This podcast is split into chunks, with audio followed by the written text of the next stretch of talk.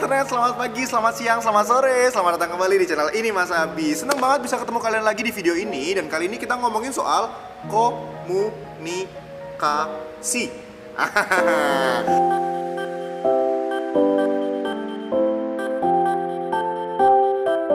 Apa sih komunikasi? Pernah nggak kalian punya teman yang pinter?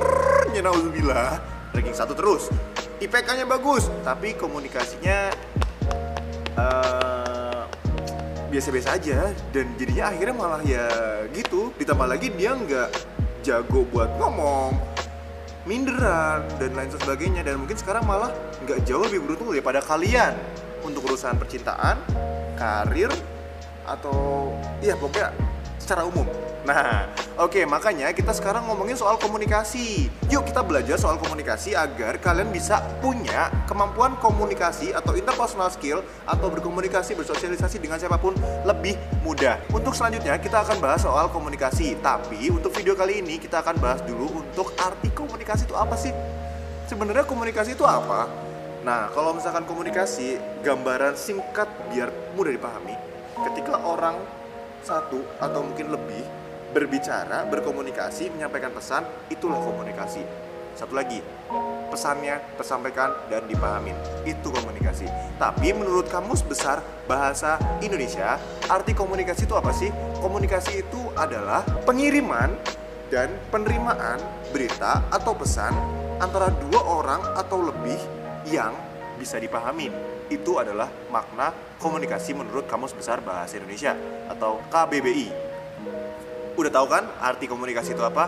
Lalu fungsinya buat apa sih komunikasi? Sebenarnya fungsi komunikasi itu banyak. Soalnya kenapa? Semua orang itu pasti berkomunikasi. Fungsinya otomatis beda-beda dong. Tergantung dari tujuannya mereka berkomunikasi untuk apa. Komunikasi sendiri udah dilakuin sama orang setiap hari. Chat, email, WhatsApp, SMS, telepon, video call, apalagi conference call, video conference call. Banyak banget komunikasi yang dilakukan oleh orang setiap harinya. Fungsinya itu ada tiga untuk komunikasi secara padatnya ya. Yang pertama, sebagai kendali. Maksudnya apa?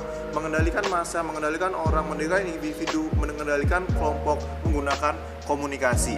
Yang kedua, sebagai informasi otomatis.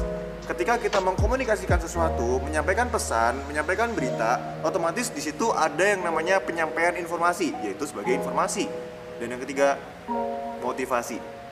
Ketika seorang motivator, sebenarnya nggak cuma motivator sih, kadang teman atau mungkin sahabat atau mungkin siapa pun yang kalian temuin dan menginspirasi kalian itu sebuah motivasi kan? Jadi motivator itu nggak mesti seorang yang berdasi berjas segala macam berdiri di atas panggung dan ngomong ke yang lainnya ayo kita semangat ayo kita ini. Enggak kan? Tapi semua orang yang bisa menginspirasi kalian itu motivasi. Jadi sebagai motivasi yaitu ketika pesan itu bisa memotivasi kalian disampaikan oleh siapa pun ataupun oleh motivator tentunya. Nah itu adalah fungsi dari komunikasi itu sendiri. Lalu tujuannya buat apa sih? Tujuan komunikasi Ada yang tahu nggak?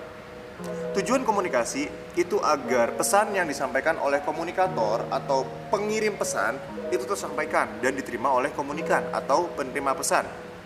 Yang kedua, supaya bisa memahami orang lain. Ketika kita berkomunikasi, otomatis kita berusaha juga untuk mendengarkan apa yang orang lain dengarkan. Dengan begitu kita juga mau nggak mau memahami orang lain ya nggak? Yang ketiga tujuannya adalah supaya pendapat kita terdengar. Komunikasi dibarengi dengan tindakan persuasif itu merupakan cara supaya gagasan kita diterima oleh orang lain. Ya nggak sih? Dengan cara berkomunikasi ditambah tindakan persuasif, otomatis penyampaian pendapat apa yang kita utarakan, argumen, ide segala macam itu kita bisa disampaikan. Dan yang keempat, menggerakkan orang lain untuk melakukan sesuatu sesuai dengan apa yang kita inginkan itu salah satu tujuan komunikasi. Nah, contohnya apa? Orang yang lagi berorasi di pinggir jalan ya kan pakai toa gitu atau mungkin orang yang lagi kampanye, berarti kan mereka lagi menggerakkan massa, menggerakkan orang untuk bisa memilih mereka atau mungkin mengikuti apa yang orator bilang. Itu contoh tujuan komunikasi nomor 4, menggerakkan orang lain. Arti komunikasi udah tahu, ya kan? Tadi penyampaikan pesan antara pengirim dan juga penerima dan bisa dipahami fungsinya ada tiga. Udah ya kan? Sebagai informasi sebagai kendali dan yang terakhir sebagai motivasi. Tujuannya udah juga agar bisa tersampaikan pesannya ya kan? Terus supaya bisa memahami orang lain supaya pendapat kita diterima orang lain dan mengendalikan atau menggerakkan orang lain untuk melakukan sesuatu. Nah terus syarat-syarat dalam komunikasi itu apa sih? Syarat-syarat dalam komunikasi ada apa aja syarat-syarat dalam berkomunikasi yang pertama otomatis pesannya. Kalau nggak ada pesannya ya apa yang mau dikomunikasikan? Nggak ada. Ya nggak? Ngapain berkomunikasi kalau nggak ada pesannya? Yang pertama pesannya. Pesan berarti berita. Berita berarti ada sumbernya. Sumbernya itu dari mana? Bisa jadi orang buku lembaga atau masih banyak yang lainnya. Jadi nomor satu adalah bukan pesan tapi sumber. Yang kedua komunikator atau pengirim pesan komunikator atau pengirim pesan yaitu orang pertama yang menceritakan sumber atau berita atau apa pun itu ke orang lain yaitu komunikan. Nah, yang ketiga, komunikan. Komunikan itu adalah orang yang menerima pesan dari komunikator atau orang pertama. Yang keempat, saluran atau channel atau media. Udara. Nah, ini kan saya ngomong kayak gini pakai udara yang menggetarkan suara dan akhirnya masuk ke mikrofon, ke video dan akhirnya bisa dengar sama kalian. Lalu media apalagi? Bisa banyak lewat telepon, lewat apalagi WhatsApp, chat, internet segala macam. Banyak media digunakan untuk berkomunikasi. Lalu ada apa lagi? Pesan. Pesannya juga. Tadi kan sumber udah, komunikator udah, komunikan udah, pesan. Pesannya otomatis berita dari sumber yang ada kita uh, sampaikan ke komunikan atau penerima pesan. Dan yang terakhir adalah efek jadi efek itu adalah ketika kita sudah mengkomunikasikan sesuatu ke orang lain dan itu ada nggak sih timbal balik, bukan timbal balik kalau timbal balik feedback ya. Ada nggak sih hasil nyata dari apa yang kita komunikasikan ke orang lain itu sendiri? Misalkan kita mengkomunikasikan bahwa eh dek itu jangan diituin nanti kamu kesetrum loh. Nah dia jadinya megang atau enggak? Kalau misalkan anak kecil dibilangin jangan malah jadi pasti mendekati ya. Jangan gitu deh contohnya. Contohnya apa ya? Kita ngomongin ke orang lain. Mas jangan lewat sana. Nanti kalau lewat sana itu lagi ditutup jalannya ada pengecoran atau apa sih aspal jalan ya. Nah otomatis orangnya tahu kan oh gitu ya mas. Makasih. Ya akhirnya lewat sana muter balik. Itu efeknya.